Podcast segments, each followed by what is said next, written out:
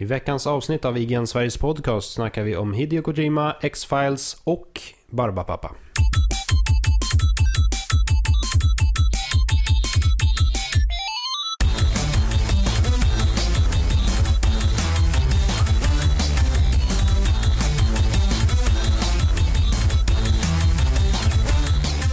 Hej och välkomna till Igen Sveriges podcast avsnitt 92. Hej! Tack så mycket. Vi sitter igen samlade här alla tre, ingen är borta. Mm, vilka är vi? Vi är Viktor Sjöström, vi är Per Landin och eh, vi är David Grundström. Jajamän. Och vi bringar nyheter från spelvärldens alla hörn. Tre väldigt fagra pojkar som pratar spel varje fredag.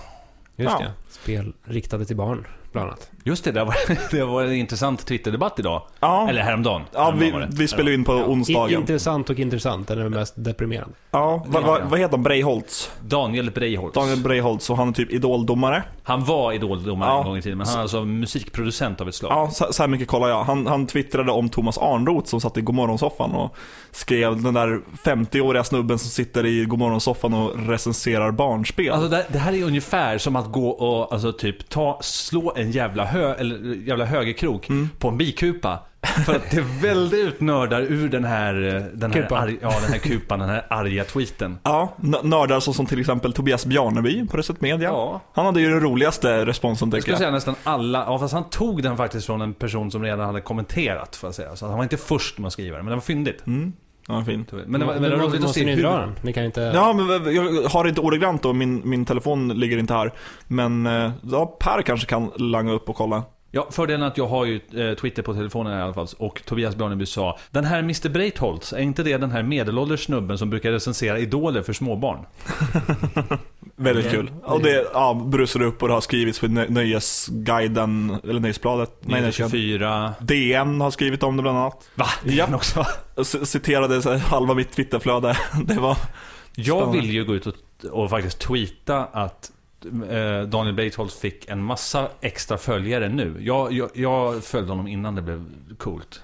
Varför? För jag vet inte, för att jag tyckte att han tweetade ganska okej. ett Fram stort tills den här idol- tweeten. Fan. Som Men- var så jävla korkad. Men är det här alltså ett, ett, eh, en bra metod för att få followers på Twitter? Om vi kanske helt enkelt tillsammans hoppar på Arnroth och förklarar hur jävla kass han är och vilken sämst... Och att han är spelvärldens guldgosse och att hans söndagskrönikor är sjukt typ, överskattade. Fuck you Arnroth och så får vi massor med followers. Kanske. Vi ser det som det är. Kommentarer. Nu måste jag göra en disclaimer och säga att jag tycker väldigt mycket om Thomas Arnroth. Ja, han är cool. Han är cool. Nej fan, där, där förlorar du dina followers. Så han följer mig inte på Twitter. Ja, det är vad jag säger högt. Det gör ont. Thomas. Arnold. Om du Ja. hör det här, jag är ledsen. Du har tweetat mig några gånger, men du trycker aldrig på follow-knappen och det gör mig jätteledsen. Och det är därför, det är just därför som vi hatar dig. Det är ungefär som att följa Viktor på Twitter. Det var där en gång. För att jag hatar alla, eller? Ja, men man må- måste säga till dig att följa tillbaka. Ja, jag kan inte det här med Men det var samma, alltså det där är kul. David, du var också lite så här la, la, lack ledsen för att jag inte följde dig sen. Och det var så här ren bara, typ lathet från din sida. Den under, underförstådda Twitter-politiken. Ja, nej, Blir man followad så måste man followa tillbaka. Jag spelar, I alla fall om jag man- spelar utan regler. I alla fall om man jobbar med personen i fråga. Nej. Ah, ja. Eh, Ja, jag kommer inte ihåg om jag sa det i första avsnittet, men det var i samband med första avsnittet som jag följ mig för helvete. Sen gjorde den det. Nu är jag lycklig. Nu börjar jag tveka dock. Kan bli en unfollow inom kort. Där Viktor Jag har Sjöström är så varit sjukt besviken. överskattad. Ja, sjukt. Han tweetar väldigt, väldigt sällan. Och när han gör det så är det ju Och när han, gör det, och när han gör det kan man ändå läsa det på Facebook. Yes, men nog om oss tänkte jag säga. Vi har fått lite kommentarer på förra veckans avsnitt.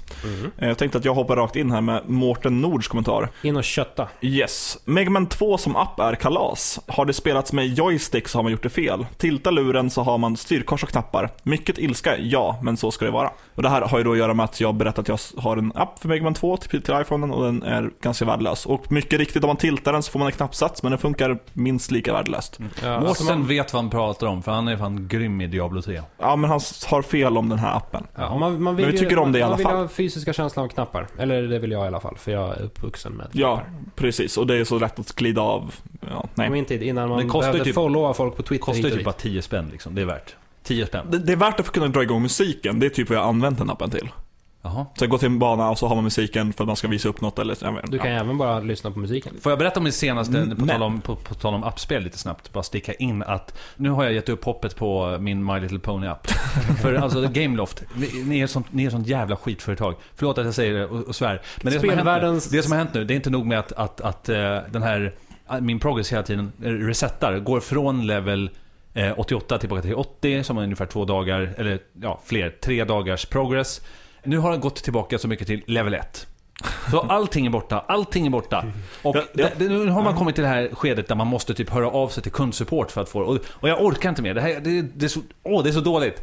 Det är så fruktansvärt uruselt. Jag, jag gillar att sen dagen du fyllde 30 har du verkligen blivit vår, vår patenterade surgubbe i podcasten. Hedersnärking kallas jag för.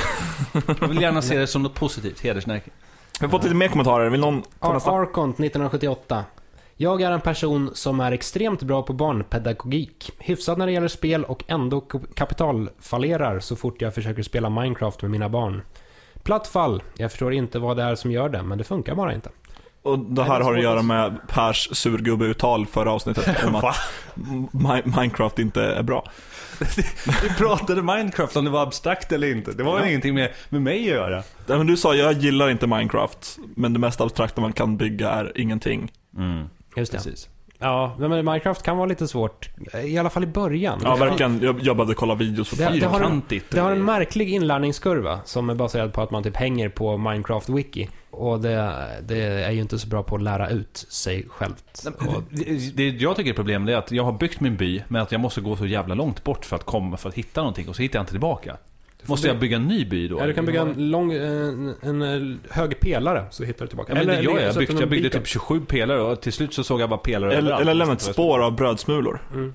Åh, Eller av död och förintelse bakom dig. den funkar det också. Det kan du göra. Mm. Per Wiklund, en kompis till mig. Kul att jag håller honom sällskap på bussen och pratar 90-talsspel. Med någon David och någon Per. De verkar tillräckligt nördiga för att inte vantrivas i mina öron. Jag ska göra trippelhoppet av bussen sen. Är ni nördiga? Han har ett bra namn också. Mm. Så att vi är fruktansvärt nördiga, jag och David. Ja, jo, ja, ja, lagom. Då, då blir ni hatade på Twitter. Och så vill jag ta nästan här. Mm. Per ska få läsa sen också. Mm. Anders Stensson. Att är Minecraft halvfullt eller halvtomt? Frågetecken. Årtiondets bästa citat. Och det vill jag läsa för det var jag som sa det. Var det du som sa det? Ja, Jag tror att det var någon annan som påpekade att det var eh, Viktor som sa det. var jag det? har inte sagt det. Nej. Okej. Ja, Ja, då är du ett geni. Då är du ett geni. ja. Geni. Eh, Martin Håmöller säger Och just det, eh, kon, kon, kontexten är ju att vi i förra avsnittet snackade om väldigt konstiga speltitlar. Mm. Och därför så skriver Martin Hovmöller Bra namn! Gundam Strike Force Go! Utropstecken, utropstecken, utropstecken. Kolon. Colon. Stairway to the Destined Victory. Colon. Worldwide Edition. Det är ett ganska Om bra det här är ett namn. riktigt namn så är det ju... Det är ju nästan lika bra som Gundam vs Gundam. Ja, fast de säger Gundam för få gånger i den här titeln tycker jag. Ja. Man skulle kunna få plats med lite fler Gundam. Stairway to the Destined Gundam. Ja. Gundam edition. Just det. Vill du ta nästa också Per? Eh, Det kan jag göra. Marcus Björkman. Jag har två dumma namn. Också Nej, jag tycker om- Marcus och Björkman är jättefint. Badum-bum. Åh, vad dåligt. Ja, Marcus Björkman skriver i alla fall i samma, i samma kontext. Eh, Jag har två dumma namn. Ett, Heroes of Might and Magic. Som numera har bytt namn till Might and Magic, kolon Heroes. Mm. Och det här är väl lite för att de försöker etablera, eller som jag har förstått det, försöker etablera Might and Magic som någon form av paraplyterm för hela serien. Så att de ska kunna göra... Är inte Might and Magic ett universum? Jag tänkte också, Ja, finns det inte ett typ First Person Shooter som heter Might and Magic? Ja, Dark Messiah of Might and Magic hette Mm. det på den tiden. Men det var innan de bytte. Ja. Nummer två i alla fall, Jedi Knight som började med Star Wars, kolon Dark Forces för att bli Jedi Knight, kolon Dark Forces 2. Som sedan blev Jedi Knight 2, kolon XXX. Victor kan säkert hela den här historien. Ja. Det här är ju... Nämnde vi inte det här förra avsnittet? Det kanske vi gjorde. Men det, det är ju en, en jävla soppa i alla fall. Först kom Dark Forces, eh, Eh, som var ett FPS, eh, en domklon på den tiden. Sen kom Jedi Knight, som alltså var Dark Forces 2. Sen kom Jedi Knight 2, Jedi Outcast.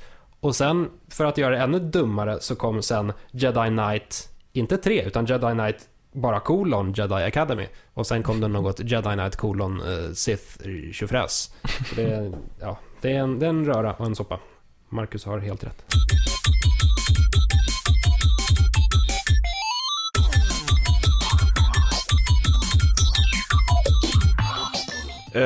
Du har en dum fråga detta avsnitt också. Vad är ditt superhjältenamn?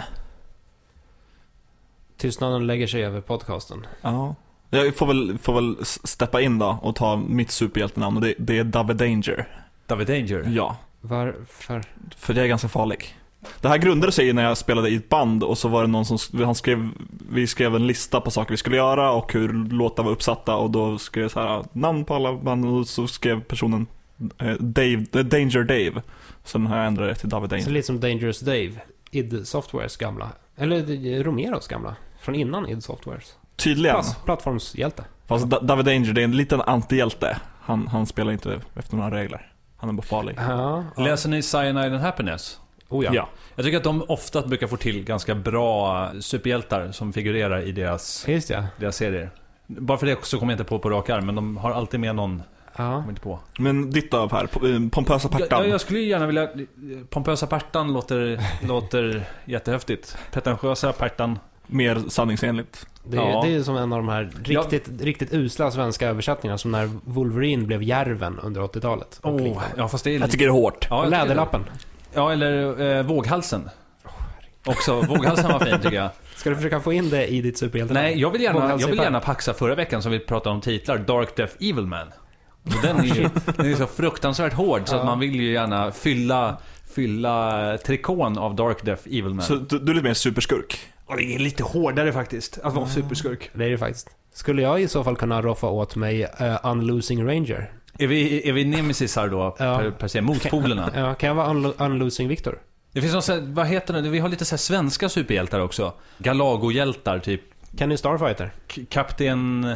Eller han är superhjälte?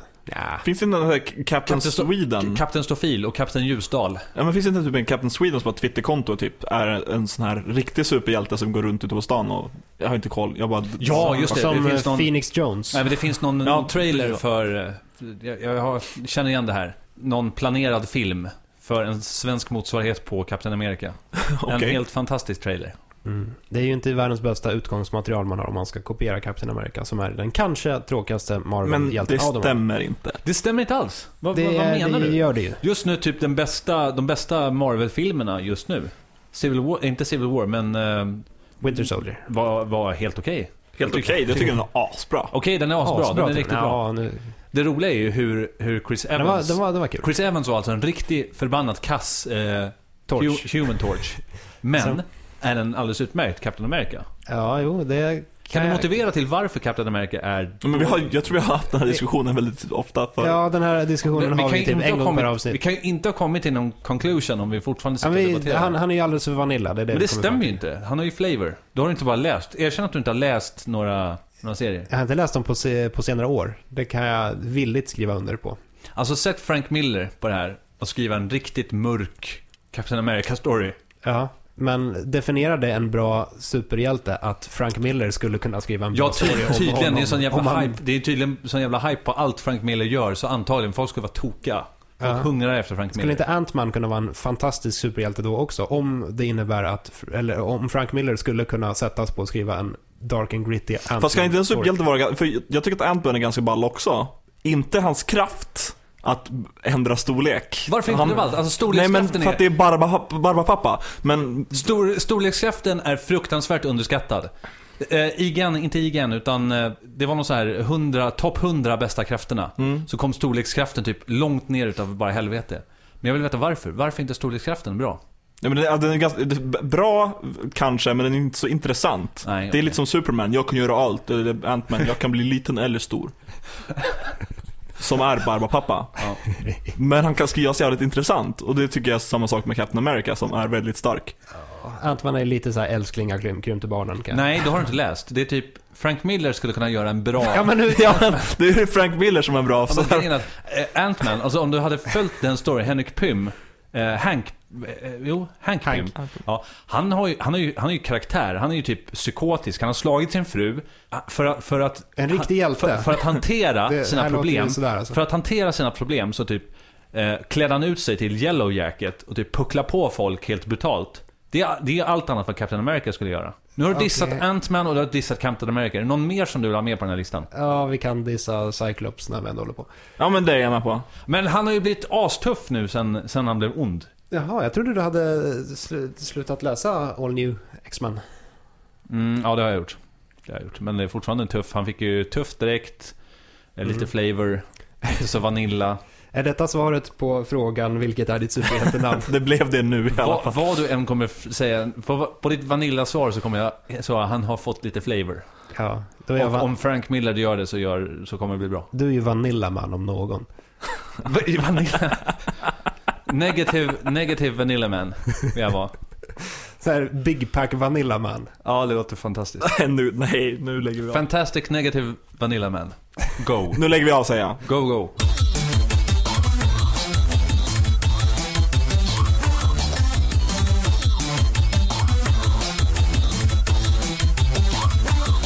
Nyhetssegmentet är fullpackat den här veckan och eh, högst upp är en nyhet som vi eh, missade lite förra veckan eh, och den hamnade återigen så här lite i, i skarven mellan två podcaster. Och det är naturligtvis hela, hela mm, Hideo Kojima-situationen. Och Nej, det är inte vad du skrev i schemat. Du använder ett ord som jag tycker är Nej, det är jag som skrev det. Ja, Hideo, Hideo Kojima-debaklet. debaklet. Debacle. Jag skulle aldrig använda detta ord. Men David inte- verkar vara lite av en ordvirtuos. Har ett gediget ordförråd. Ja, Ja. vi har en nyhet i alla fall. Jajamän, och det är att... Ja, det, det startade ju med helt enkelt att, att Konami plockade bort Kojimas namn från Metal Gear Solid 5. Alltså all, all artwork och boxarna och sådär. Det står Mm. inte längre uh, Hideo Kojima Game.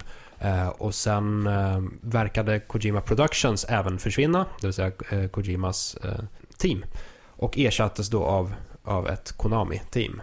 Det började naturligtvis ryktas då om att Kojima och Konami hade råkat i luven på varandra och, eh, och att Kojima skulle lämna Konami. Sen dess har både Konami och Kojima gått ut och eh, pratat om det hela och eh, han har förklarat att han kommer fortsätta att göra Metal Gear Solid 5 och han kommer ägna sig åt det fullt ut till releasen den 1 september och det ska bli hans bästa spel någonsin. Och eh, Konami säger att eh, ja, Kojima är med 100% på tåget, han ska göra Metal Gear Solid 5. Men de säger ingenting om... De, de, de arbetar sig hela tiden runt frågan eh, och det, det allra mesta tyder ju på att, att Kojima faktiskt kommer att lämna Konami efter att Metal Gear Solid 5 är klart.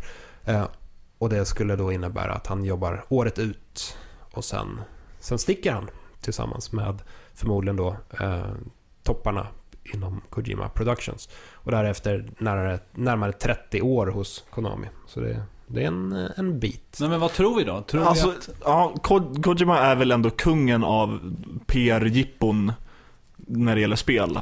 Att säga en sak eller att något händer och sen ah, nej, det var Metal Gear Solid den här gången. Ja, jag gjorde jag tror, Vi måste nämna hans tweet, tweet som han gjorde. ja, det var en bi- bild på helikoptern från Phantom Pain och så skrev han, eh, vad skrev han? Eh, Taking off. Taking off. Taking off. Men, men jag tänker de har plockat bort eh, Hideo Kojima Game från, från alla boxar. Så det är lite tyst nu, lite kommer han sticka, kommer han försvinna? Det är två olika ord för samma sak. Eh, kommer man sticka eller stanna? Men sen ger det en månad så kommer det stå eh, Hideo Kojima Movie. Eller, och sen tittar han fram i någon liten video och bara ler och säger Did you like it? Men ni tror alltså att det här är en PR-kupp? Nej, jag tror inte det. Jag vill bara han vara rolig. tröttnat? Det, det har inte skett några bråk, utan han har bara tröttnat. Han vill, han vill pröva Alltså något Hideo nytt. Kojima har väl velat sluta göra spel sedan typ Metal Gear Solid 2. Eller specifikt Metal Gear Solid-spel. Så det säger alla. Jo, men uh, han, Ja men det, det här kommer vara mitt sista. Sa han om trean, fyran, Ja. femman? och... Uh, Hironobu Sakaguchi sa samma sak med Final Fantasy, sen blev det ja, men så så blev det nio till. Ja, eh, Kojima i alla fall, han är ju 51, ett år gammal, så, så han, eh, han har väl gjort sina Metal Gear Solid-spel. Och det verkar ju ha varit någon form av eh, friktion där med Konami, Konamis ledning. Konami jag- är väl lite av ett sjunkande skepp generellt Ja, också. absolut. Eller beror på hur man ser på saken. Konami som vi... Det Konami vi förknippar med, med eh, typ Contra och Silent Hill och Castlevania och Metal Gear eh, är ju ett sjunkande skepp. För de, de outsourcar ju allting på halvtaskiga företag och så får vi bara massa skitspel. Och Kojima Productions har varit typ det sista vi har haft kvar i princip. Eh, Men de gör ju massa mobilspel som, eh, vad jag förstår, går bra. De gör tydligen typ gym i Japan. Alltså gym. Gym, gym. Inte maskiner på ett gym, utan ett faktiskt gym. Eh, ja, De har jag- private trainers som, som kan få en att se ut som Big Boss. Oh, O- osäker på exakt vad det är de producerar, men de är, de är inblandade i gymbranschen på något sätt. Och, så jag, jag tror inte att eh, Konami som företag bara kommer implodera om Kojima försvinner. Däremot så, så kanske Metal Gear De blir... tappar en galjonsfigur. Absolut. Sin sista i så fall. Nu när, när eh, Koji Garashi sedan länge har lämnat, lämnat skeppet och Silent Hill Sato är borta och sådär. Så det, det är inte många kvar på Konami. Och sen har eh, Konami även sagt att de, eh, de söker efter nytt folk för att göra nästa Metal Gear. För de, de ser bortom Metal Gear Solid 5 och de ska göra ett nytt Metal Gear och då vill de ha in ett nytt team. Är det Revengeance 2? Det Jag skulle vilja Vi- se redan innan någonting går fel nu, innan det blir ett eh, nytt Sega, att, att typ Namco, Konami, Capcom går ihop och bildar typ Konami Com... Det låter som en mässa. Kon, Konamco-Con. Det låter som en jätterobot. Ja, alltså typiskt Gundam. Namco-Con, De go! Fuse. Jag tror att det skulle bli ett grymt företag. Så Pac-Man i eh, tecken och... Med ja, väldigt, det, det är väldigt samma. mycket DLC.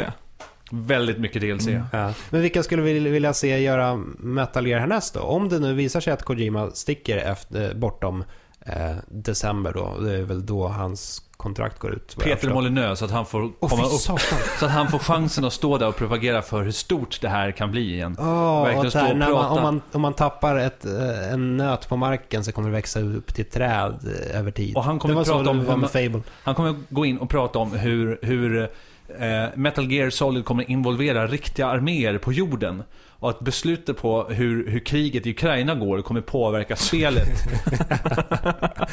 Och Putin blir någon form av slutboss. Kanske. Ja, precis. Och beroende på vad som händer i verkligheten och hur många som engagerar sig i det nya Metal Gear och hur många som dör, så många kommer också dö i spelet. Ja, ja men det här, det här tror jag stenhårt på. Jag vill se Phil Fish utveckla det. Oj, vad bittert det skulle bli. Ja, för han hatar ju verkligen japanska, eller han har ju, hatar verkligen, han gjorde ett uttalande om att japanska spel var skit. Mm. Och han är väldigt bra på att dra på sig drama. Bakgrund, vem är Phil Fish? Phil Fish är alltså skaparen bakom Fess. Mm. Det här indiespelet tvådimensionella, tredimensionella spelet. Ja, precis. Som, som eh, tog väldigt lång tid att utveckla och folk blev arga på honom och han mådde Så- inte så bra. Äh, sen stack han från spelindustrin. Yes. Så fuck you. Varför svarar du inte Ragnar Törnqvist? Han ska, han ska endast fokusera på The Longest Journey och Dreamfall-relaterat. Han ska inte lämna den studion, han ska bara göra det tills han dör. Jag vet inte varför, men av någon anledning så fick jag för mig att du sa Fredrik Reinfeldt. Och det skulle bli ett jättekonstigt Metal Gear. Han skulle gå ut och hålla något konstigt tal om Metal Gear-linjen. Ja, han, skulle, han skulle gå ut och, och försöka förklara till varför vi skulle vara engagerade i nya Metal Gear. Så skulle plötsligt att alla lämna Konami efter det uttalandet. Ja. En annan idé är att faktiskt ta in Frank Miller. Så att han får göra den, den, grafiska, den grafiska profilen av det nya Metal Gear. Viktor, vem tycker du ska ta över? Jag tycker väl kanske att vi ska få en chans. Vi har ju pratat om metal, hur jävla dåligt Metal Gear Solid 4 är i typ, eh, ja vad är det nu, 92 podcasts. Me- mest Så. har ju du gjort det, men ja. Ja, så jag kanske skulle få en chans med Metal Gear Solid 6. Så Ja. kan jag få se hur jävla lätt det är. ja. Hur jag skulle kunna bidra har jag väldigt svårt att se i och med att jag inte har spelat ett enda Metal Gear Solid. Jag har typ tittat på på Metal Gear Solid 2. Ja, men då kanske du kan se det med fräscha ögon. Jag vill göra någonting. Se det inte som något negativt. Jag skulle vilja göra en uppföljare på Metal Gear Solid 2, för det verkade jättetufft. Det var ju tyvärr fyran som är uppföljaren och det sög. Ja, men just därför ska jag göra en bättre. Ja, men istället för att ha det Fyran på. 2014 som fyran är, kan man ha det 2013. Metal Gear- tvåan och fyran. Metal Gear. Solid 2, colon, revisited edition, colon, not 4. Det ska inte vara någon sån här Final Fantasy-grej där. Så här, Metal Gear Solid 2, 2. Och sen har alla någon form av dans eh, och sångkarriär. Och det blir någon så här J-pop-grupp. De har ju väldigt bra, alltså, jag, jag höll på att säga, sen så får, så får man ändra kläder, men jag kom på att det är Metal Gear Solid 3. säga det är vad man vill om Metal Gear Solid, men alla personer i spelet har ju bra bandnamn. Liksom, jag skulle lätt kalla typ eh, ett band för Liquid Ocelot, eller vad det heter. Ja. Revolver Ocelot, till och Ja. med. Nästan lika bra som Dark Death Evil Man. Vi kanske borde gå vidare till nästa nyhet. Ska du ta den? Nej, Nej. det kan David göra. Ja, det kan jag göra. Det här har inte med spel att göra. Eh, X-Files återuppstår i form av en miniserie på sex delar och det ska filmas in i sommar. Chris Carter, eh, David Duchovny och Gillian. Duchovny. Ja, och Gillian är tillbaka. Ja, Duchovny. Eh, Anderson. Chris, David och Gillian är tillbaka. Mm. Och det ryktas väl om att eh, Skinner är med också? Principal Skinner. Ja, rektorn från Simpson är Varför med. inte Agent Doggett? Ja, han, han är väl lite hatad av, eh, av seriens hardcore-fans. Vilket jag tycker är jättesynd för att serien blev, fungerade alldeles utmärkt med honom. Ja, jag skulle säga att säsong 9 är den absolut svagaste. Nu, när kom han in? Sjunde, åttonde? Ja, någonstans där. Och får man tro eh, en viss person som jag känner, eh, eh, om jag citerar rätt nu, Arcont 1978, så tycker han i princip att bara säsong 1 är någonting att hänga i granen. Problemet med säsong, säsong 1 är att Alltså säsong, 1 av X-Files, den hade, den hade coola stories, men skådisarna var rätt kassa där. Och eh, produktionsvärdena var inte så... Ja, alltså, det, det, de- det känns som en liten så här, tafflig serie med, med bra idéer. Och de hade den drygaste, eh, vad ska vi säga, Monster of the Week kanske. Den här mannen som kunde, han kunde bli platt. Han var barbapappa också. Han kunde bli platt och glida in under dörren och vara hemsk. Det, var, det är ju den sämsta. Det låter som en ganska Ja, taskig också. Ja. Eh, Men det finns orosmoln här, ska jag säga. Nu har ju jag tagit rollen som, som den negativa balanskraften i den här podcasten.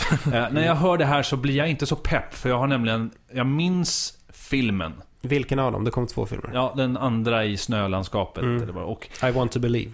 Från 2008. jag vill tro, eller jag, jag, jag känner så här att eh, X-Files känns så mycket 90-tal för mig. Det Ja. känns inte modernt, inte i det landskap vi har idag av väldigt så här välregisserade produktioner. Så tycker jag att eh, X-Files hör inte hemma i den här tidsåldern. Ja, det, det är lite det som får mig nyfiken på det här. För X-Files var ju väldigt mycket en produkt av sin tid. Det var väldigt mycket eh, misstro eh, eh, regeringar, eh, misstro politiker. Det finns hemligheter överallt och så här, vi får inte rätt Konspirationsteorier Ja, i exakt. största allmänhet. Eh, och nu för tiden lever vi i en, i en, åld- en tidsålder när, när informationen bara flödar överallt. Vi bryr oss Och- inte längre. Nej, och När- det är snarare ett ja. jävla informationsbrus. När slutade X-Files eh, serien? 2002 tror jag. Okej, för har de förklarat 9-11? Var det aliens? Det var det säkert. Men, men, men ja. Problemet med X-Files var ju att, alltså, enligt mig i alla fall, så tyckte jag att säsong 9 var den kanske svagaste säsongen. Eh, och den följdes sedan upp med den här filmen I want to believe, som inte heller var så jättebra. Så X-Files har egentligen inte varit, varit så jättebra sen Mulder blev, spoiler, abductad, bortrövad. Ja, i slutet av 90-talet. Charmen var väl den här balansen i alla fall som, som Mulder och Scully kunde ha hela tiden. mellan Att, att tro och inte tro.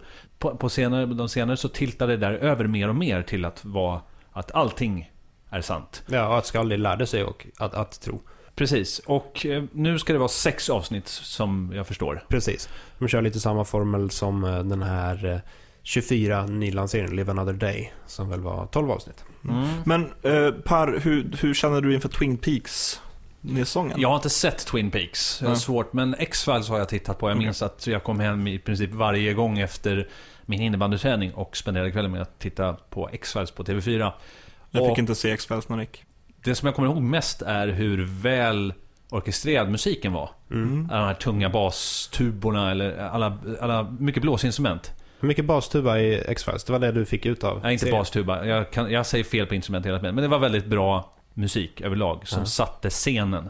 Det är det jag minns mest och det vill jag gärna se tillbaka. Mm. Den här stämningen som de klarar av att sätta hela tiden. Men de får gärna skippa flummet och upp, uppa serien lite till, till den moderna eran om det ska funka. Ja.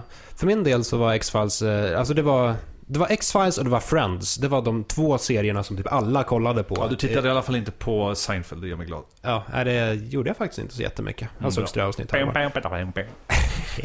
eh, nej, men vi, och, och i och med att alla tittade på det och det gick en speciell tid på torsdagar så, så gjorde man små events av eller i alla fall jag och mina kompisar. Vi brukade dra hem till, eh, ja faktiskt Martin Hovmöller som kommenterade tidigare på avsnittet. Och Per Wiklund kanske? Eh, ja, han kom väl in lite senare i, i bilden. Men eh, då brukade vi sitta och kolla på X-Files där och vi hade till och eller de hade till och med tejpat upp ett X på fönstret som, eh, som Mulder brukade göra när han skulle tillkalla sin eh, informatör som kallades för X. Hans bat signal. Ja, nej, nej. Inte alls. Och jag tror ju inte att X-Files kommer att vara... Alltså det, det kommer inte kunna fylla samma, samma roll som det gjorde en gång i tiden. Däremot så är jag ganska sugen på, eh, för det första, eh, att se hur X-Files funkar i en modern tidsålder med typ smartphones och Twitter och hela faderullan. Eh, och för det andra så är jag lite sugen på att se hur eh, Fox Mulder kommer att färgas av Hank Moody. Det vill säga David Duchovnys karaktär som han spelade under många eh, säsonger av serien Californication. Som han fått Utmärkt serie. Ja, den var ju i alla fall första säsongen. Ja, Andra var Det är okej. kul ändå att Tredje var var bra igen, sen var det bara skit. David Duchovny pratades ju vara typ sexmissbrukare av rang. Hans rykte hade gått ner sig fullkomligt och så svängde det med Genom att spela en sexmissbrukare. Ja, och han Ja, gjorde ja, det men- trovärdigt. Man får identifiera sig på alla sätt. Kanske kan vi få se lite mer av den här Hank Moody-flummigheten i, i Fox Mulder. Och Fox var ju... motherfucker! Motherfucker! Eh, Archive X är en tuffare titel än X-Files. Ska vi snacka spel? Nej, jo, Jo. ja. Jag tänkte med att vi lämnar TV. Och så får Per läsa vår sista nyhet. Ja, eh, då, jag läser till.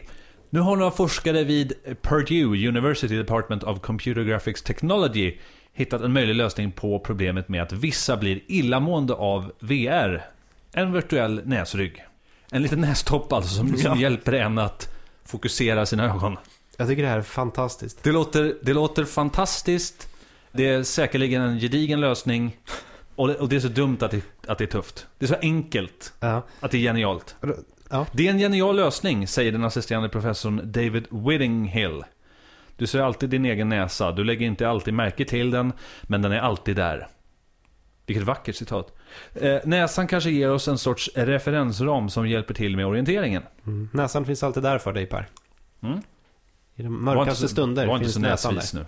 Jag tycker det är fantastiskt det här de kallar dem, nasum virtualis. Det är, det är det bästa jag hört.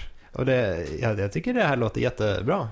Tydligen så har det ju funkat bättre att, att uh, ha virtuella upplevelser när man sitter i någon form, av cockpit eller man sitter i en bil eller man sitter i ett fordon eller så. Så man har någon form av referenspunkt att, att förhålla sig till. För problemet är väl, som jag har förstått att, att uh, ögonen säger att man är på väg någonstans men kroppen hänger inte riktigt med och kroppen tycker att man är stilla och då blir det någon krock och sen blir man illamående. Men om, Framgår det om man kan slå av och på den här näsan? Jag menar för de som kanske inte vill ha den framme, för att alla blir ju inte sjuka. skulle du vilja slå av din näsa? Ja. Om, om jag inte blir åksjuk. Eller om jag inte blir sjuk av... eh, Med taekwondo-slag.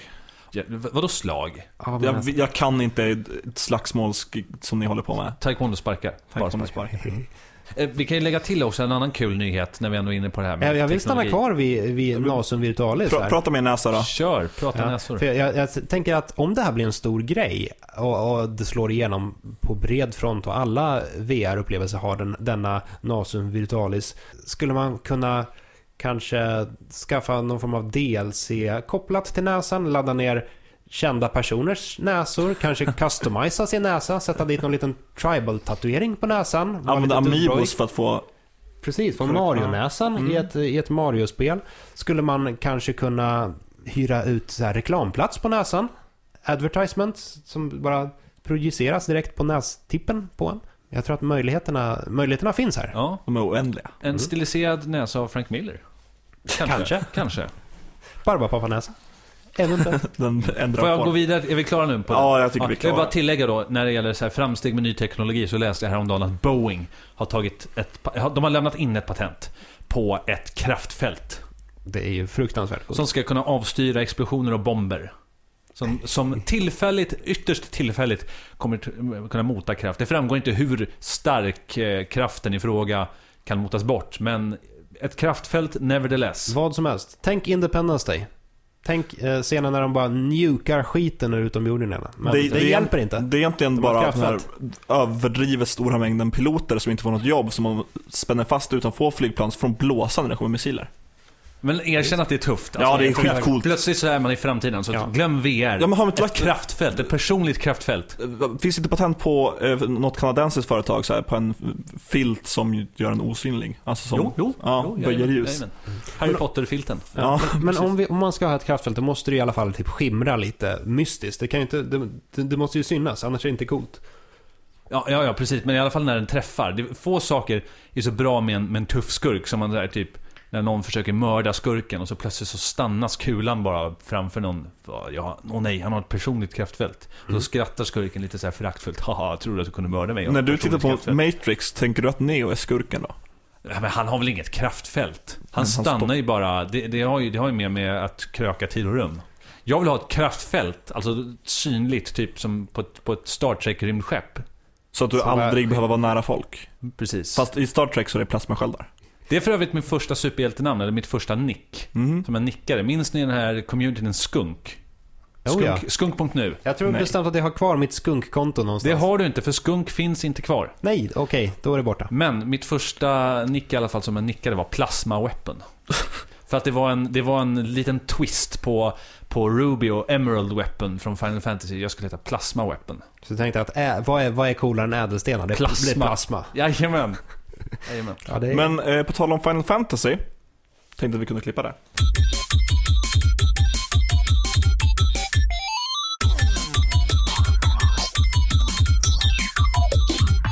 Ja, på tal om eh, Final Fantasy så har vi kommit till vårt spelat-segment. Eh, där jag tänkte hoppa ut först och säga att jag har spelat eh, Final Fantasy 15-demot, eh, Episod Dus- Duskay. Episod Dusha. Doski! Alltså vad är det med Final japaner Fantasy och, och den här 15 typen? Duskary. Alltså det är lite som eh, Guilty Gear. Extrude. Ja. Det är inte eh, Och- second eller third, utan det är exd. Extrude. Och som Tales of Xil, Xil, Xilia. Silja. Tales of Sill. Eh, och jag har spelat Final Fantasy 15 Episod Dusch. Och det är då ett demo man får med om man köper Final Fantasy Type Zero som är ett PSP-spel Du som säger har, alltså Type 0, inte Type O. ja, tydligen. Ta, ta, ja. Type O. HD. Jag har i alla fall sett Type att det föregår, föregår en debatt om hur du ska uttala det. Men, nevertheless, det är ett annat spel. Mm. Ja, precis. När man köper det spelet får man en demo. Eh, om man har kontakter får man demot i alla fall. Och jag har då spelat det och eh, nu Du- sitter vi i en podcast och tänkte prata om det. Ja, du slapp spela Type Zero i Ja. alla fall. För det är väl ganska dåligt. Jaså, jag, jag har nästan bara hört bra av det från de recensenter jag läser. Jaha, Eh, som våran egna Hannas Blad och eh, det är det värsta. lite annat. Ja. Vad tycker Arnroth? Den jäveln. Jäveln. Nej, jag vet inte. Men eh, nog om det. Vi har ju snackat om Final Fantasy 15 tidigare. Att vi alla småstörde oss lite på att det handlar om fyra snubbar i en bil. Avsnittet Korvfesten. Korvfesten i bilen, eller vad den heter. Korv, ja, korvfest i bilen. Precis, och nu har jag spelat lite korvfest. Mycket riktigt, fyra snubbar springer runt på ett stort öppet fält. Och en, bilen har gått sönder. Eh, Nej! Ja, Var ska de då, då ha sin korvfest? ja de, de går ut på, på on the road med sin korvfest. Kontext i alla fall först och främst. Jag tycker att eh, med åren så har vi fått sett så mycket trailers av Mm. vad det här spelet skulle bli. Och jag tycker att det här är, det, det känns som att det har tagit en sån twist. Från att ha varit mycket i, i stadsmiljö, mycket visat i, i hus, saker och Mm, ting som ja. exploderar. exploderar. Eh, Så någon, allting ute. någon snubbe som äter en grön soppa och skrattar. Plötsligt så är det ute. Det, det, det känns som att vi har tappat all form av kontext i det här spelet. Mm. Jag vet inte vad det är. Det är så identifierat för mig. jag vet inte riktigt heller vad det är. Jag En, en gång i tiden så hette ju spelet eh, Versus. ja, Final Fantasy 13. 13 versus va? Ja, Ja. Versus 13. Nu heter det i alla fall Final Fantasy 15 och Så kan det gå. yes, bilen har gått sönder, man behöver samla ihop, eller ja, män behöver samla ihop 25 000 gill för att reparera den. Och hur gör man det bäst? Man dödar en behemoth På ett Eh. manligt vis. på ett väldigt Som manligt vis. Yes, manliga män. Så man- blir helt utkastad i den här världen. Får en, en punkt där man går till en tavla, dödar den här stora saken, får du 25 000 gill. Perfekt, precis som man behöver. Och så får man lite markers, gå hit, titta här. Och så har du en stort öppen äh, open world-värld som är förvånansvärt bra. Jag, Mm. Hur fungerar stridssystemet? Stridssystemet är inte turordningsbaserat, utan det är li- live. Du styr endast en karaktär, som jag inte kommer ihåg namnet på. Det är inte så intressant. Eh, Det är en prins som de här andra. eh, Men de har ju långa jävla namn som är onödigt, onödigt krångliga också. De inte, heter ju inte längre Cloud eller, Nej. eller Fast- Tifa. No, no, Nocte. Noctus. Nocto. Noct tror jag han heter. Jag körde med japanskt tal. Man kan välja japanskt eller engelskt tal. Jag rekommenderar att välja engelskt tal för att de har inte textat allting. I alla fall inte demot. Men Nocto eh, spelar man och han har möjligheten att ta fram olika vapen ur tomma luften och så slår man. Och allt sker då live och så har man tre andra som, en som står och skjuter, en som slår med en stor grej och Men en ett live combat system, är det lite, tänk eh, Star Ocean, eh, Exilia-aktigt? Lite Tales of fast de har ingen stridsskärm. Det är inget att du går på en random encounter eller någon karaktär som springer runt och sen så går skärmen sönder och så är du i en strid. Utan det är allt sker live på skärmen. Snarare nästan lite MMO-aktigt. Ja, ish. Det, det känns väldigt inspirerat av västerländska eh, RPG skulle jag säga. För allting, det fl- flyter på bättre får man säga så. Världen känns ju väldigt bra.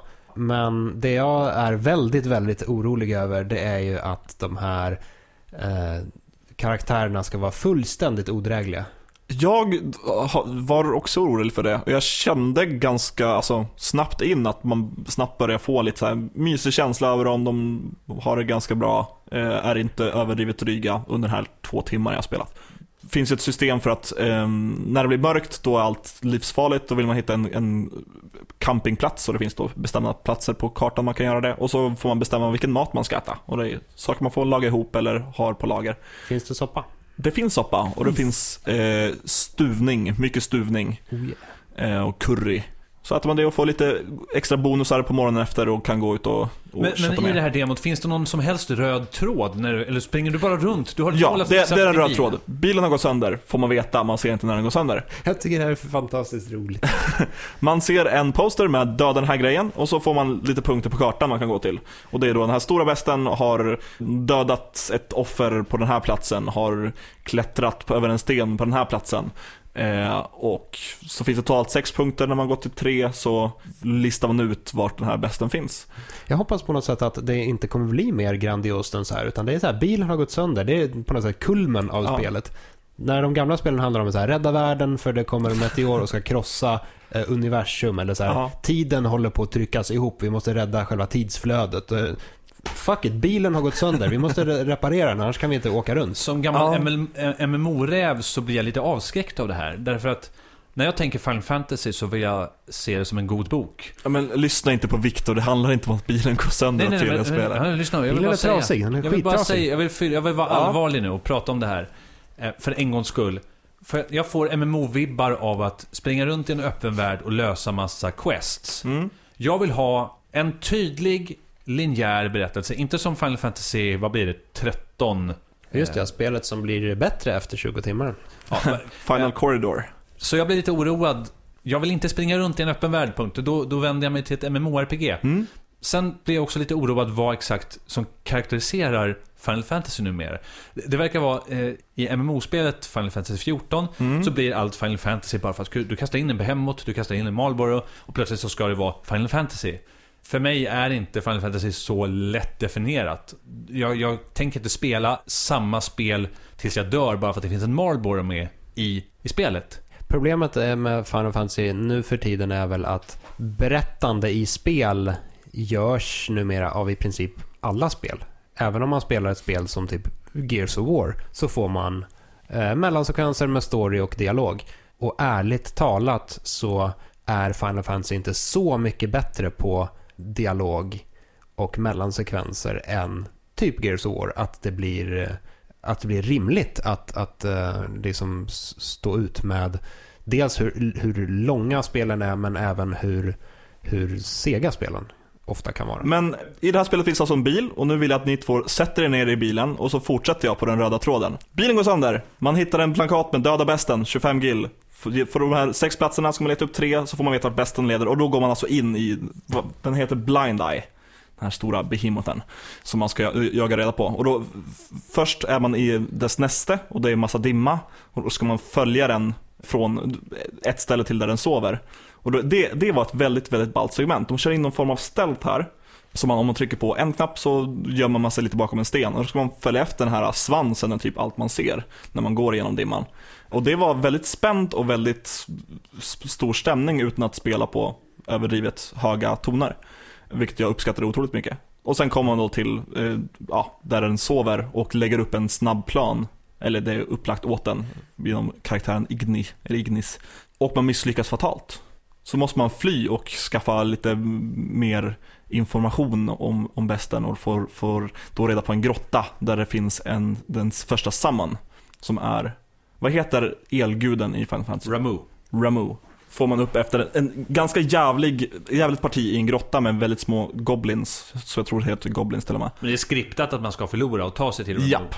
Eh, Den är för stark. Man, man lyckas göra den ganska svag, men den är för stark. Så tar man, får man Ramu, Det är ett kla- klassiskt grepp i, i japanska ro- rollspel. Stöta på en, ett stort monster som sen spöar skiten ur den. Och sen får man återkomma. det är lite som all Dragon Ball någonsin. Ja, just det. Måste träna. Ja. Måste träna i en tidskammare. Och så får man grinda upp lite grann under tiden också. Medan man gör det så gör de ett litet inslag på den faktiskt större storyn. Det finns stora, eller det finns små, små skepp som flyger runt och kan då upptäcka en. Och det här är då soldater från någon stad, något rike. Vi kallar det för Imperiet. Ja, det är ett imperie, säkert. Jag tror det är Imperial någonting. Eh, som då jagar efter prinsen som man spelar. Troligen för att han har rymt, vem vet. Sen kommer man då tillbaka till den här västen och får köra sin summon. Och jävlar vilken summon. Det har pratats mycket i sociala medier om att det här skulle vara den perfekta summonen. S- Ja, jo kanske. Den är, den är enorm, den är bombastisk. Det här, det här de spelar på riktigt höga noter. För att hela världen går sönder. Ramu som är hur stor som helst lyfter upp Noct- Nocto Nocti i handen och bara smäller ner en stor jävla blixt. Så, på en bäst som är stor som Ramus stortå. Eh, och det var jättehäftigt. Och det här är bara den första summonen. Är- Den, för, den, den som är med i demot. Ja men jo det, det ska vara det första för det är den man stöter på för att besegra. Det har ju pratats lite om titaner i det här spelet också. Är Ramu en titan? Jag frågar mig inte saker om spelet som inte involverar demot. Nej, jag vet inte. Det är Du, svaret på du snackade ju lite, du Per snackade lite om att eh, spelare hade lyckats eh, ha sönder Final Fantasy 15. Och, Ja, det finns ju osynliga väggar i det här demot och folk har varit kvicka på att försöka haxa sig förbi dem och det har gått alldeles utmärkt. Vissa har ju ställt sig vid väggen och sedan låtit sig bli påkörd av en bil för att eh, krökas in på den andra sidan. Eh, och därefter så har de eh, sprungit runt och eh, utforskat terräng som de egentligen inte får utforska. Det finns också tydligen någon, något område då där de inte... eh, Springer man tillräckligt långt så kastar klienten ut eh, spelaren per se, eller de- direkt. Men spelare har ändå lyckats ta sig till lite gömda områden. Bland annat någon form av underjordisk grotta där det står en jättestor titan och bär upp någon kristalliserad sten av något slag. Oj, Mm. coolt. Spännande saker. Men frågan, den stora frågan är hur går det med Massive. bilen? Hur det går med Får de bilen? igång biljäveln? Ja, efter man bränner sönder den här behemoten, Blind Eye, får man pengar och så ska man gå och fixa bilen och gissa vem det är som, gissa vilket namn i Final Fantasy det är som äger shoppen. Det här råkar jag veta. Är det inte så att de har gjort Sid till en kvinna och hon heter Sydney? Sid äger macken men hans dotter Sydney reparerar bilen. Mhm. Om jag förstår det rätt. Okej. Jag kan, jag kan ha missat det här för jag, jag var lite brusad när jag spelade klart det. Jaha, här då. framkom Eh, sl- slutade eh, lägga märke till. Problemet med henne dock är att hon är väldigt, väldigt avklädd, har Såklart. stora runda sillisar, eh, en G-sträng sträng som kommer upp ur shortsen Självklart. och en cowboyhatt. Det- Och det, det är den namngivna kvinnan man stöter på under demot. Korvfest i bilen. Korvfest i bilen. Sen åker man iväg, sen är demot slut. Det låter som Final Fantasy 15. Ja, jag, jag, är, jag är ganska peppad. Eh, nej men inte på... G-string, jag är peppad. Inte på G-string och sillisar, utan det, det var, det var genuint, genuint kul att spela. Däremot blev jag mest sugen på att starta upp Final Fantasy 9 igen. Eventuellt 7. Ja. Har vi avverkat Final Fantasy 15? Nu har vi gjort det, nu kan ni sätta er upp ur bilen. Mm. Ställer upp. Det, var en, det var en härlig åktur, tack så mycket. Jag har spelat en, en lite mindre härlig åktur. Jag har spelat Mario Party 10 och då får man, Verkligen åka. ja, då får man å, återigen sätta sig i någon bil. Här Och blir det, åka av.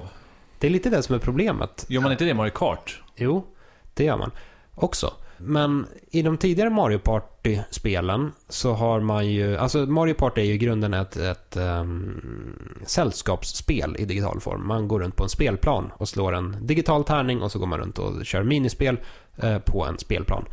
Eh, tillsammans med tre kompisar.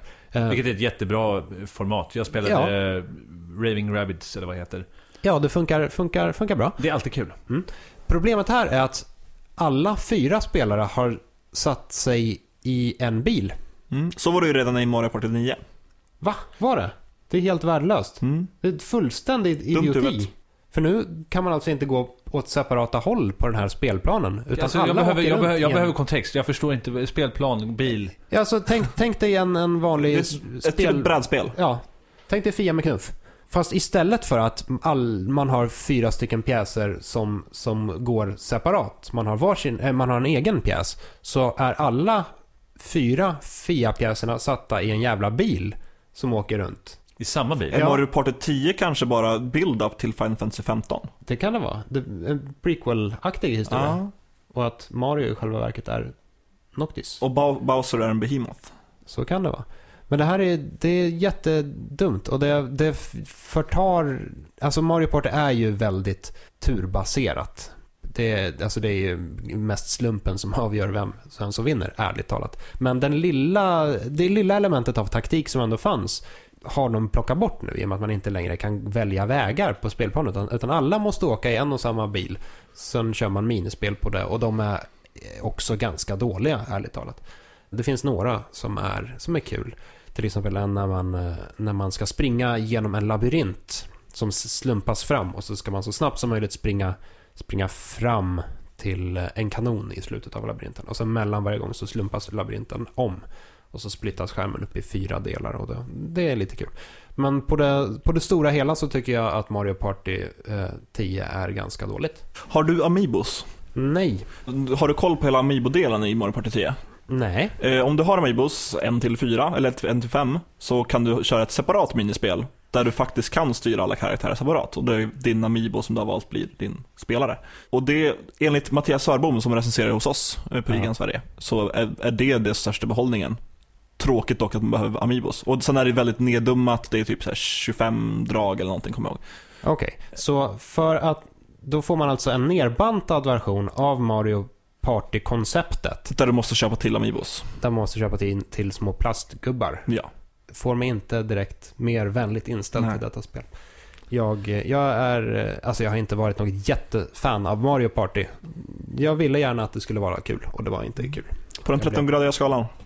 På den 13-gradiga skalan kanske en 5-6, Oh jävlar.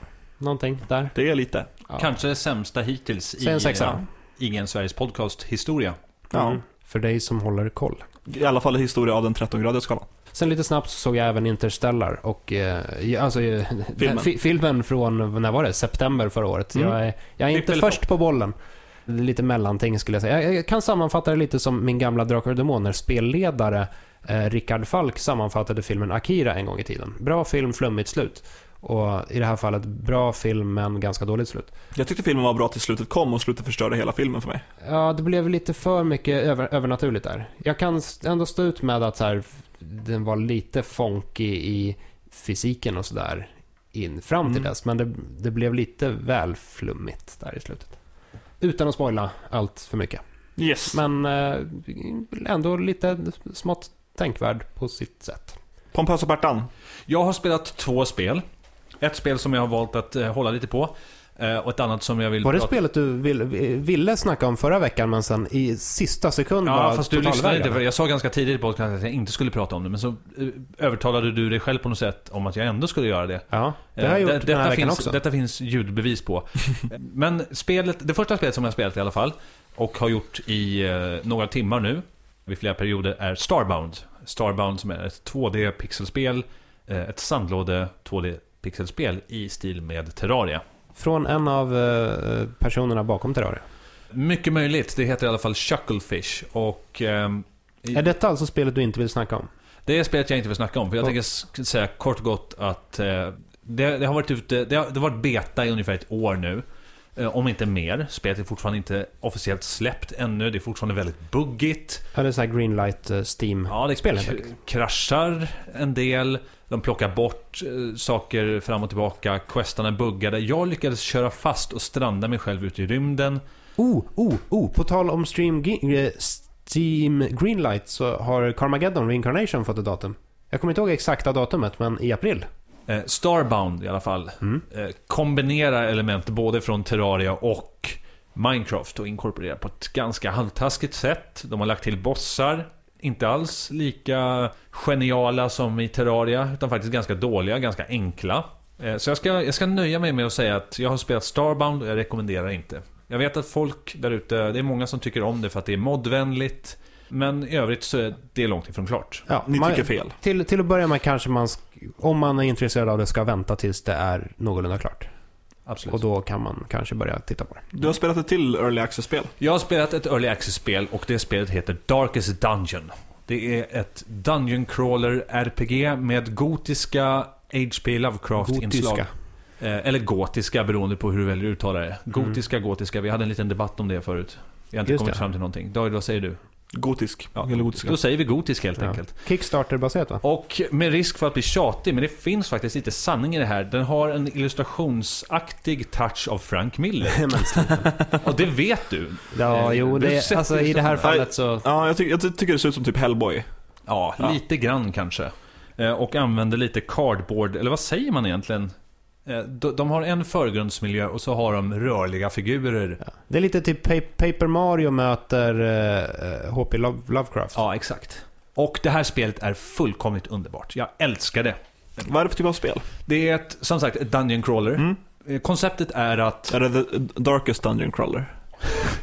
Konceptet är i alla fall att du har en, eh, en herrgård som någon gång i tiden experimenterade med någonting och grävde sig för djupt ner och hittade en gammal Cthulhu-liknande gud, eller de stötte på något form av monster där nere. Och sen dess har, är ingenting sig likt. Godsägaren har skjutit sig själv i huvudet och uppmanat spelaren att komma hem och ta hand om gården och styra upp allting. I vilken ordning?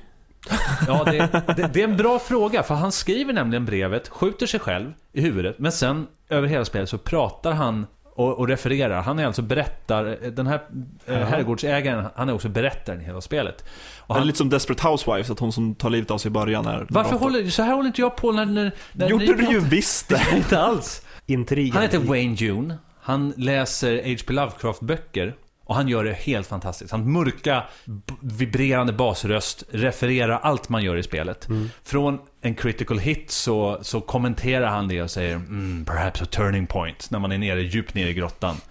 Eller när monster krittar en själv så, så svarar han i princip “How quickly the tide turns”.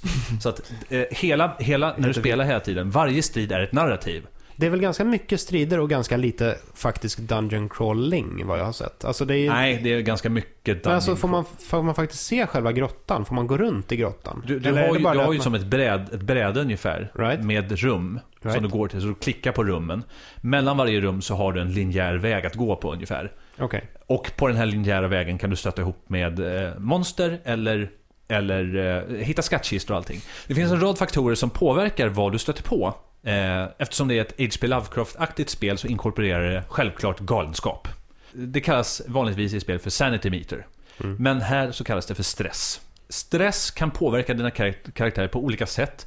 Fyller stressmätaren så kan du få olika typer av galenskapsegenskaper. Du kan bli masochist, du kan bli eh, eh, blodfanatiker. Det, det finns en rad negativa faktorer. Allting i det här spelet är negativt mot dig. Right. Hela tiden. Du slåss hela tiden i motvind.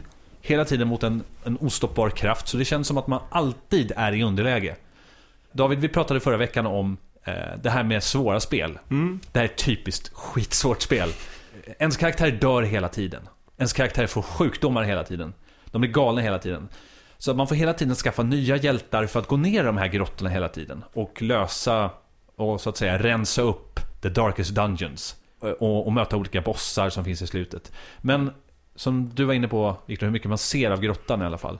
Mm. När man går igenom de här grottorna så har du en mätare eh, som heter scouting. Det avgör Mm. hur mycket du kan se av kartan innan du går in i, ställe, in i ett nytt ställe. Ja. Och scouting påverkas av hur mycket facklor du har med dig ner i grottan. För att det finns en ljusmätare som påverkar vad du stöter på och vad du ser på olika sätt. Ja. Vad, vad har man för fördelar av att faktiskt veta vad man går in i? Är ditt party skadat och allting så vill du gärna undvika strider. Mm. Du vill undvika monster Ja, för jo. att lösa uppgiften. Till exempel, du kan få ett uppdrag där du ska gå ner i en grotta och eh, upptäcka 90% av, ru- av alla rum. Om du då på något sätt kan undvika att stöta på monster så vill du gärna göra det. Mm. För att det här är så pass svårt att det är mer vanligt att du tvingas ge upp i en grotta än att du faktiskt klarar av den. Så svårt är det. Och ens progress går fruktansvärt långsamt framåt. Det kostar fruktansvärt mycket pengar att uppgradera saker eh, som krävs, eller framförallt att ta med proviant ner i grottan. Proviant är ett jättekul inslag. Till exempel, vissa stora grottor kräver att du har med dig mat för flera dagar, facklor så att du kan hålla ljuset uppe, antidoter och, och potions så att du kan eh, bota sjukdomar, en spade för att du ska kunna ta bort eh, lik som du hittar på vägen. Och En hel dag. en hel dag. Låter lite som Mulle Meck bygger båtar. Man måste tänka på både bensinen och fisken. Och att vara frisk i huvudet. Kanske. Mulle Meck möter H.P. Lovecraft. Jag älskar det här spelet i alla fall, men det kommer jag inte sätta något betyg på. Jag tycker bara att Det är Eh. väldigt statistiktungt va? det, det är det. Men, men det jag vill säga i alla fall är att settingen, stilistiken, narrativet, allting är, är så snyggt. Eh, och jag har inte känt så här för ett spel på bra förbannat länge. Det är svårt och man blir svinirriterad, men allting är så gjort så förbannat bra. Så om ni får möjlighet så Ja. rekommenderar jag starkt att kolla in Early Access på Darkest Dungeon. Medan resten av spelvärlden gräver ner sig i Bloodborne så köttar du eh, järnet i Darkest Dungeon. Definitivt. Mörka, svåra, äckliga, men samtidigt välgjorda spel. Mm.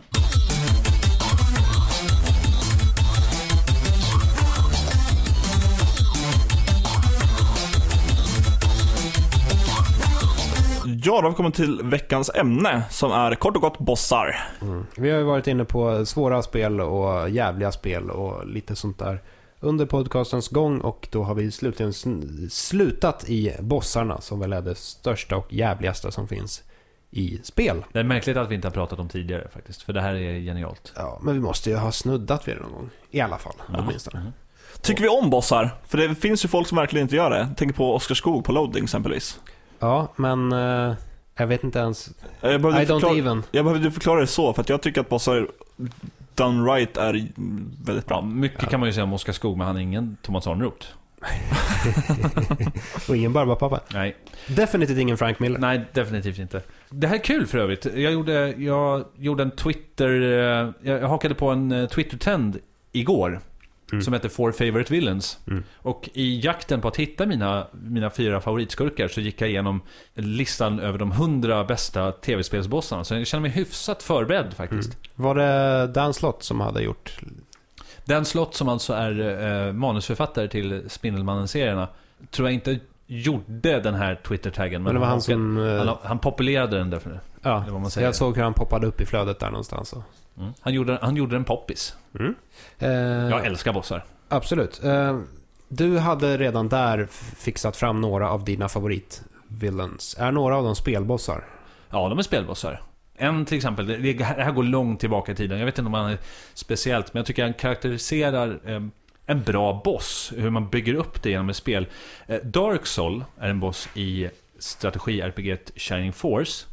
Mm. Han successivt eh, genom hela spelet tåntar en och eh, ser ganska, ganska skräckinjagande ut. Man förstår att han är skurken i alla fall. Och han Mm. skickar alltid sina hantlangare på att försöka besegra den Shining Force-armén som eh, har gett sig ut i världen för att ställa allting till rätta. Mm. Är inte Shining Force ett ganska fånigt Nej, namn? nej, Jag tänkte just får på, du på en force. nej. inte det- på ett namn, eller inte, inte, inte på ett spel, men på liksom en styrka. En spe- Du låter som en skurk. Oh, pathetic Shining Force. ja. Shining Force. More like Shining nej, Force. Nej, Eh, nej, jag ryser bara jag hör Shining Force. Ja, det gör jag också, kan Men det jag inte- säga. Ja, bra. Fast av På andra anledningar. sätt. Eh, Ja. Dark Soul är i alla fall en tuff skurk därför att han, eh, han slår hårt. Han nästan one-shotar. Kontext, Shining Force är ett spel där du har ungefär 20 gubbar på en karta som du kontrollerar på ett schackliknande bräde och eh, rör dig uppåt och spöar, eh, spöar fiender. Eh, Dark Soul är en hård boss som i princip nästan one-shotar fiender. Han är skrämmande. Han är svår av den anledningen eftersom man får respekt för bossen. Och bossar ska inge fruktan och respekt. Ja. Dessutom, när man tror att man har besegrat honom så visar sig, nej, jag, jag bidade bara min tid. Nu, nu ska jag frammana den här jättemörka draken och så ska jag fusa med den. Så när man väl äntligen har fått ner Dark Soul så blir han en mörk drake och blir ungefär dubbelt så svår. En av mina favoritbossar genom alla tider är Lavos. Alltså bossen från Chrono Trigger. Chrono Trigger. Den kosmiska, jättestora igelkotten, helt enkelt. Som eh, i, i, under stenåldern störtar ner från himlen. eh, från, från stjärnorna och kraschar och sen borrar sig ner i jorden där han ligger i dvala under många, många eh, årtusenden. Och sen år 1999 så tränger han upp ur jordskorpan och bara ödelägger världen. Och ja, tydligen är någon slags, kommer man fram till, parasit som, som gör så här med planeter. Och sen eh, avlar han av sig och skickar vidare sina eh, avkommor till andra planeter som ödelägger och fortsätter. Och för det första är, är det ju att ha en, en igelkott som en, som en boss. För det andra så, så uppskattar jag verkligen det här... Alltså, Lavos gör så många saker rätt. Dels att, att man tidigt i spelet etablerar eh, etablerar skurken så att man bygger upp inför den här slutstriden under lång, lång tid.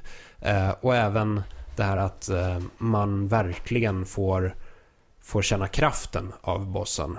Eh, för man kan ju välja att slåss mot Lavos tidigare. Eh, och man kommer möta Lavos under resans gång, även innan slutstriden. Och då är Lavos jätte, jättestark. Och det, det, det gör även Final Fantasy 7 bra med Sephiroth som etableras väldigt tidigt och etableras som en väldigt, väldigt stark karaktär. Det är en av de mest, mest talande, eller billigt talande scenerna överhuvudtaget. Just det här med att illustrera hur stark en boss kan vara när han har besegrat Midgard Solom, eller Midgårdsormen som man också kan säga. Mm, jätteorm. En orm som man lär sig att varje gång man springer in i den så one-shotar den partyt i princip. Ja. Men när man väl lyckats ta sig över det här Precis, stället. alltså det, det är ju en, en litet quest som går ut på att man ska ta sig över ett träsk och det vaktas av såna här ormar eh, som, som är jättefarliga som man inte kan slåss mot i princip. Så man måste försöka gå runt problemet genom att skaffa sig en chocobo så att man kan rida ifrån ormarna, bara fly järnet över till andra sidan träsket. Och när man väl har tagit över sig till andra sidan så ser man vad Sephiroth har gjort med en av de här ormarna. Nämligen, alltså den måste ju vara typ tio gånger större än han själv först och främst. Mm. Och han har bara spetsat ormen på en påle. Ja, På ett träd. På träd till och med. Ormen är ju så här 15 meter lång. Han har tagit ormen och helt enkelt spetsat den på ett träd. På ett träd. Ja, och, och alla, alla karaktärer går ju runt också genom, eh, fram tills att man stöter på honom för första gången och bara så här, viskar om honom i princip. Talar om den här legendariska krigaren. En annan, eh, det är ett ganska vanligt grepp i alla fall i japanska rollspel. Eh, Och ett annat sånt exempel är Ga- Galcian, eller Galcian i Skies of Arcadia. Eh, Som Just är sånt här, typ admiral eller någonting i stora onda imperiet. Mm. Och då är det ett parti i början av spelet när- han jagar en på toppen av ett tåg. Som också så här, om du går in i honom så one-shotar han hela partyt. Eh, Men så får man springa undan och känna sig väldigt rädd för den här stora stygga vithåriga snubben, så som Sephiroth. Eh, Det är någonting med vithåriga snubbar. Samma sak med Ja. typ eh, Magus i Chrono Trigger. Eller Sephiroth då. Eller, eller uh, Alucard i Symphony of the Night. Vithåriga snubbar är ofta väldigt starka. Det är lite, vit är ju lite Fria. den gudomliga färgen på något sätt. Ja, i, i uh, Skies Arcadia så är ju de vithåriga personerna från månen. Så det är väl lite, ja, jo. Ja, det är väl så det är. Ja. Ofta.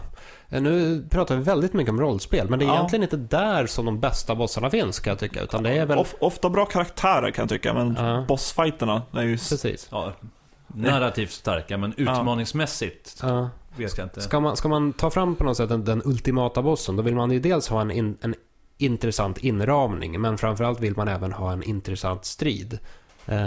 Och där är ju till exempel Sephiroth inte jätteintressant, ärligt talat. Som en utmaning betraktad. Nej, för han scalar nämligen.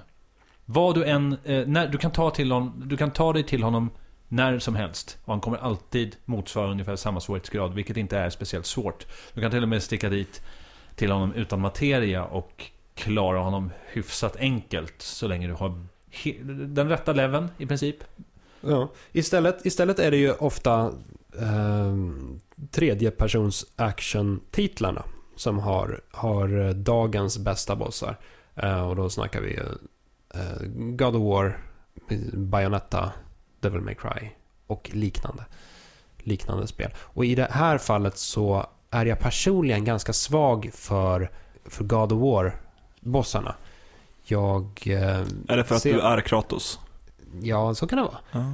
Kan det vara. Jag, på något, jag, alltså jag ser ju att Bayonetta egentligen är ett tajtare spel än God of War, men det är någonting... Alltså God of War har både den här bombastiska inramningen och även ganska intressant spelmekanik och även lite quicktime events inblandade i det här. Ja, alltså rent logiskt sett så ser jag ju att bossarna inte är de, de bästa tredje persons-action-spelsbossarna, Men eh, jag har en liten, eh, en liten svag, svaghet för dem. Men det här bossar som man alltså... Eh, man vill ju gärna, tycker jag, att bossarna ändå ska stå för någon form av utmaning. Mm. Har du några bra exempel på en boss som har ja, men verkligen tvingat dig att ladda om, ladda om hela tiden för att till slut nöta ner honom eller henne? Eller det? Ja, alltså Metal Gear-serien var ju länge känd för att ha riktigt bra bossar också. Både ettan, Metal Gear Solid 1, 2 och 3 hade riktigt bra bossar. Framförallt trean hade den här ökända bossen The End. Som var en sniper, en gammal gubbe. Som kryp- som man kan besegra genom att bara låta sin PS2 tugga. Man kan- tiden dör. Man kan ställa fram eh, klockan på sin PS2 och då dör bossen av hög ålder för att han är redan jättegammal. Men i övrigt så är det en lång, lång utdragen sniperstrid som kan vara... Ja, men det, alltså den är, den är helt enorm. Mm. Jag tycker faktiskt att det finns eh, um, Liquid Ocelot-fighten i Metal Gear Solid 4 tycker jag ganska mycket om. Ja, För att det, det är den på- så här slutgiltiga striden och så går man över, igenom alla eh, tidigare tre spel och strider med honom för att han har varit den slutgiltiga skurken-ish.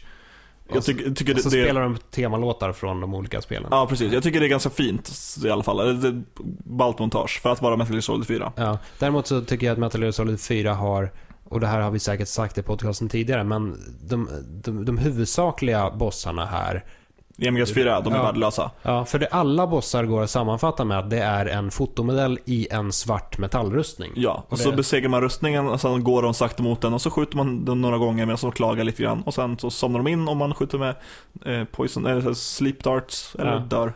Det hade varit en sak om en av bossarna hade varit en fotomodell i en svart metallrustning. Mm. Det hade fortfarande varit konstigt, men det hade, det hade ju känts lite mer unikt. Men nu är alla bossar sådana och då, då blir jag inte, då blir jag inte glad. Som är 2D-bossarna också, naturligtvis. Och varenda Mega Man-boss i princip. Mönsterbossarna kan man nästan säga. Det är hela tiden du ska memorera ett visst mönster för att klara av. Mm. Eh, det gillar jag verkligen. Metroid-bossarna. Kanske... Kon- kontrabossar, kontra har, eller Probotector som det heter här då, har ju fruktansvärt coola bossar. Men nu, nu, har, nu har vi listat massa bossar som är, är bra. Vilka är våra favoritbossar? I mitt fall blir det Lavos. V- vem var det? Kan du ta det igen? Chrono Trigger, jättearga igelkotten. Så var det Eller han är inte så arg, han är bara destruktiv. Jag vet inte om jag har någon direkt favoritboss, men jag vet en bossfight som jag tycker väldigt mycket om. Och det är Romeo från uh, Vagrant Story. Är en, en, väldigt, en väldigt speciell en som är ganska svår. Man i princip... Det är ju lite... Hur ska man karaktärisera det? Man står på en rund plattform och bossen glider runt den här runda plattformen hela tiden. Mm. Och han gör det väldigt snabbt och kastar väldigt, väldigt hård magi. Och man ska försöka ta sig... När man springer mot honom så kan han plötsligt flyga till andra sidan av den här cirkelformationen. Vilket gör det väldigt, väldigt svårt att få tag på honom när man väl... Det är lite som de här jävla War, war Wasp eh, bina i, i eh, Metroid Prime. Det finns ju en sjukt störig eh, sekvens där när man står på en plattform och det roterar bin runt en. Just ja. Usch, usch, usch. De svåraste bossarna måste ju ändå vara... Nej, jag vill säga min favoritboss. Varför utesluter du mig? Nej, det- förlåt. Kör. Förlåt. Min favoritboss är skateboardbossen i Zelda eh, Twilight Princess. Just det, när man åker runt på den där snurredutten. Ja, det, man, man får en snurredutt som det, det är skateboard. Man ställer sig på ett litet kugghjul och så kan man åka över sand eller... Lite som den här snurran i Sonic the Hedgehog 3. Det Har stämmer. liknande? Ja, men då kan man åka längs typ ku- kugghjulsvägar och sen bossen då är ett stort runt rum eh, med en stor rund pelare i mitten och så är det typ drak, sku, Ja, skalleshuvud. precis. Är det inte typ någon form av skelett eh, ökan-tema? Ja, precis. Och då åker man med den här, den här skateboarden i de här ramperna och så hoppar man mellan olika delar och försöker hoppa in i bossen. Jag tycker det är askul. Bayonetta har ju även en, en bombastisk slutboss där man, spoiler, avslutar hela striden med att slänga bossen genom hela solsystemet så att bossen flyger in i solen och brinner upp. Oj. Är det, är det inte den bossfighten också där eh, sluttexterna kommer tre gånger? Så kan det vara. Tack vare David vill jag faktiskt ändra min favoritboss. Okej? Då. Jag kom plötsligt att tänka på ett spel som i princip präglas av bossar hela tiden. Nämligen World of Warcraft. och kom att tänka på hur, hur man med andra tillsammans verkligen jobbar i veckor för att få ner en boss. Där vi inte pratar att vi lägger några timmar på att besegra en boss, utan verkligen där du lägger otaliga dagar åt att försöka nöta ner någonting. Lich King till exempel är ett utmärkt exempel som jag förvisso aldrig fick slåss mot själv, men som är en ganska tuff setting. Det har byggt upp ända sedan Warcraft 3. Och det har gått typ, eh, ja vad kan det vara, eh, 6-7 år till att äntligen få slåss mot honom. Min absoluta favoritboss i World of Warcraft är ändå en boss som heter Jan Alai. Fanns i instansen Solaman och som jag och mitt guild nötte veckor på att få ner. Och det var hela tiden marginaler som gjorde att vi, vi föll. Det kunde vara så att man fick ner hälsan till 2%, 1% och så wipade man. Och när vi äntligen, äntligen fick ner den här bossen så var det verkligen sån här glädjevrål. Jag tror att de här glädjevrålen förekommer inte så många andra spel när du får ner en boss.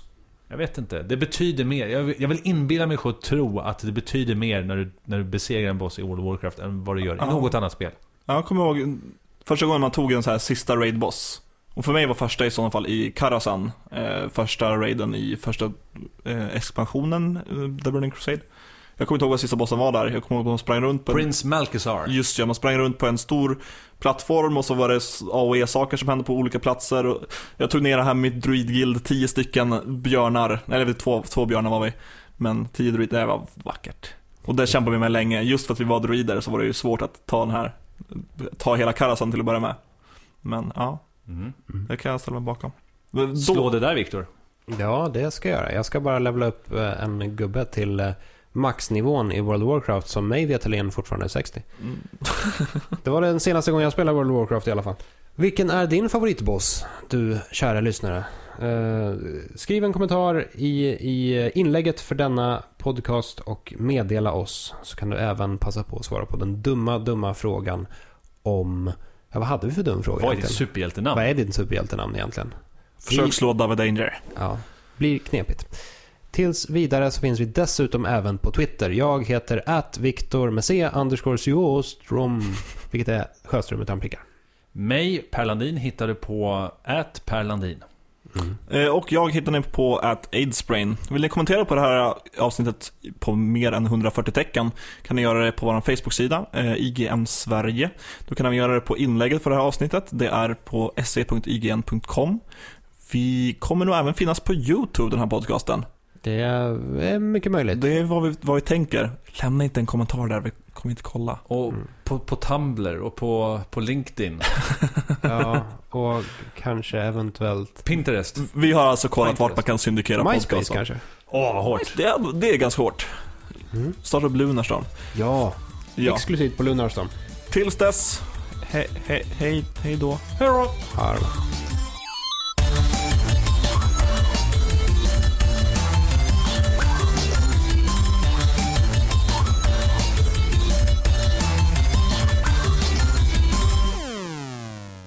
Do do do do do do. pam pam pam pam pam pam pam pam. Come bum, Pam pam pam pam pam pam pam pam pam.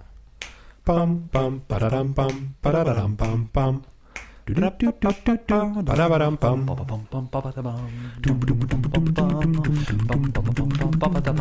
pam pam pam pam pam. bum. Ba-da-ba-dum, bum.